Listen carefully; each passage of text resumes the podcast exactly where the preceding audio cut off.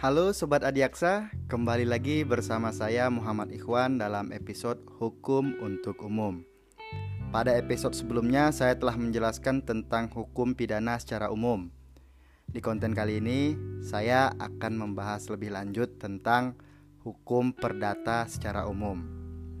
Sobat Adiaksa, pada dasarnya di Indonesia hanya berlaku dua jenis hukum, yaitu hukum publik dan hukum privat.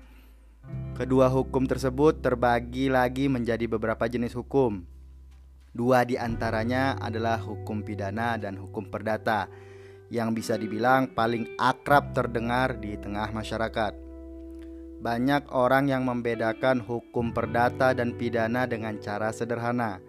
Pidana merupakan hukum bagi tindak kriminalitas, sementara hukum perdata berkaitan dengan uang dan bisnis. Hal ini tidak sepenuhnya salah, tapi juga masih kurang tepat. Karena ada kalanya sebuah kasus bisa dianggap contoh hukum perdata, tapi dalam perkembangannya menjadi pidana.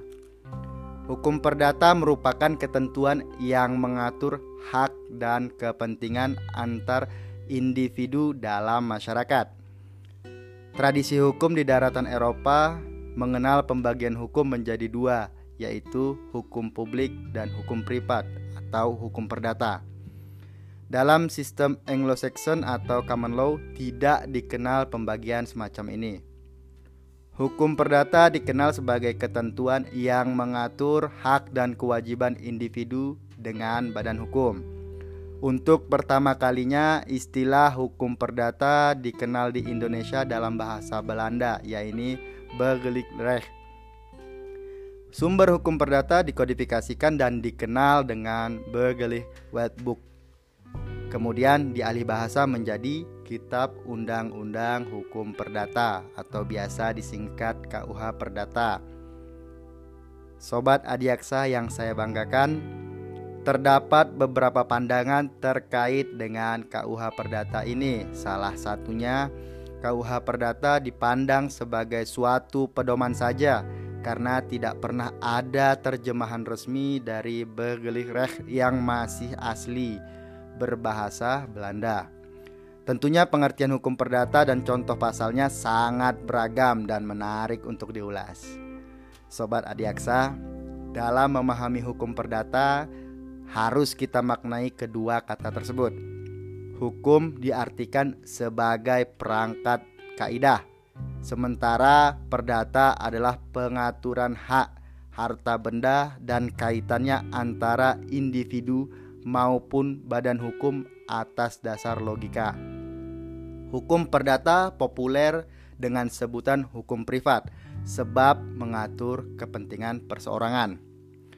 Beberapa ahli juga turut menyumbangkan definisi hukum perdata menurut pandangannya. Yang saya kutip pertama dari Profesor Subekti. Menurut Profesor Subekti, hukum perdata merupakan semua hukum privat material berupa segala hukum pokok yang mengatur kepentingan perseorangan. Kemudian saya kutip lagi dari Profesor Sudikno Mertoksumo. Menurut beliau, Hukum perdata yakni keseluruhan peraturan yang mempelajari tentang hubungan antara orang yang satu dengan orang yang lainnya, baik meliputi hubungan keluarga maupun pergaulan masyarakat. Sobat Adiaksa yang saya banggakan, menarik nih membahas tentang sejarah hukum perdata di Indonesia. Sejarah hukum perdata di Indonesia berhubungan dengan sejarah hukum perdata Eropa terutama Eropa kontinental yang memperlakukan hukum perdata Romawi menjadi hukum orisinil dari benua Eropa. Akan tetapi karena kultur dan aturan masyarakat masing-masing wilayah berbeda, hal ini membuat orang-orang mencari kepastian dan kesatuan hukum. Usai, usai masa penjajahan, Belanda akhirnya menerapkan secara tetap kode, kode Napoleon atau Code Civil des Franchises sebagai aturan hukum. Barulah tahun 1814 Belanda mengkodifikasikan susunan ini menjadi Kitab Undang-Undang Hukum Perdata atau Kitab Undang-Undang Hukum Sipil.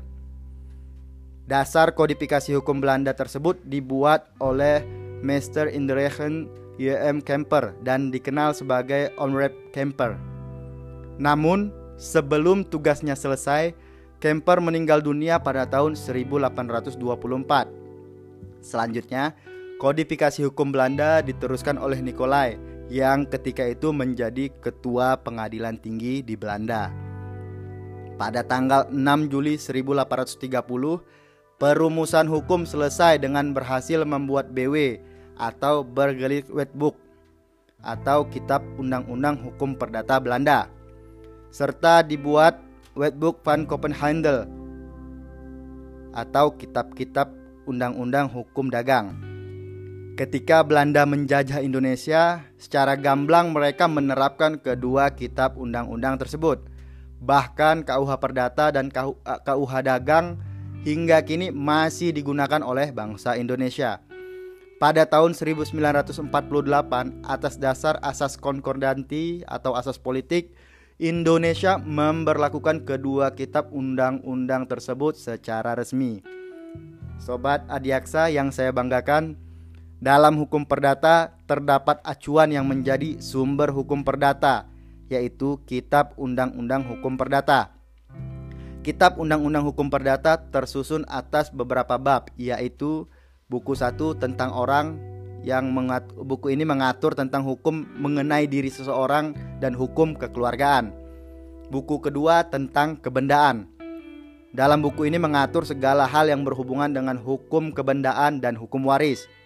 Buku ketiga tentang perikatan, mengatur hak dan kewajiban timbal balik antara orang perorangan badan hukum maupun pihak tertentu. Buku keempat tentang pembuktian mengatur alat pembuktian dan akibat hukum yang ditimbulkan. Sobat Adiaksa di mana pun berada yang saya banggakan, hukum perdata bisa berubah menjadi hukum pidana.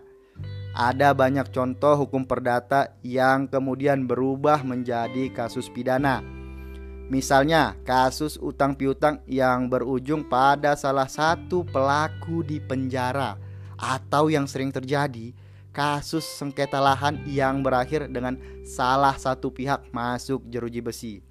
Maka dari sini bisa diketahui bahwa kasus hukum perdata bisa berubah menjadi hukum pidana. Hal ini bisa terjadi karena dalam kasus hukum perdata tersebut juga terdapat unsur-unsur hukum pidana. Misalnya saja dalam kasus sengketa lahan, diketahui bahwa salah satu pihak ternyata telah melakukan pemalsuan dokumen atau melakukan sogokan pada pihak tertentu atau tambahan penipuan paksaan dengan unsur kekerasan. Hal-hal tersebut yang kemudian dianggap memenuhi unsur-unsur hukum pidana. Contoh hukum perdata lainnya yang sering berakhir menjadi pidana adalah kasus wan prestasi, yaitu di mana salah satu pihak yang melakukan perjanjian tidak dapat memenuhi tanggung jawabnya.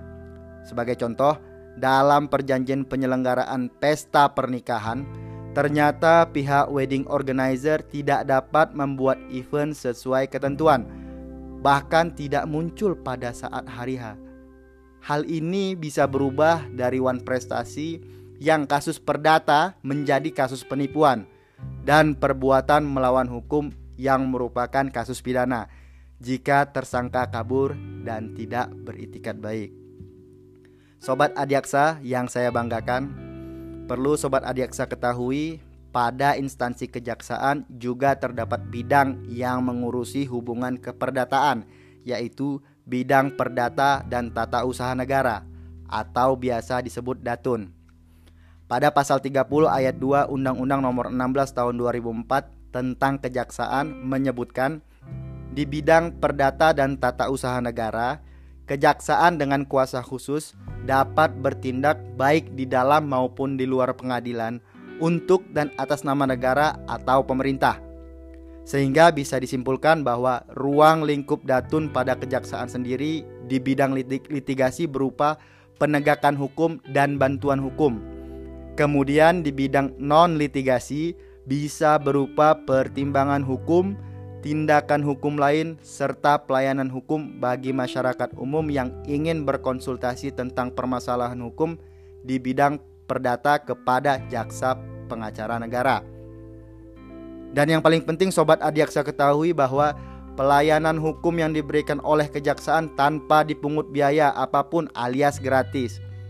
Masyarakat bisa memanfaatkan pelayanan yang diberikan kejaksaan tersebut agar permasalahan hukum yang dihadapi bisa mendapatkan titik terang dan petunjuk dalam upaya penyelesaiannya. Nah, Sobat Adiaksa nggak perlu sungkan lagi ya untuk datang ke kantor kejaksaan terdekat.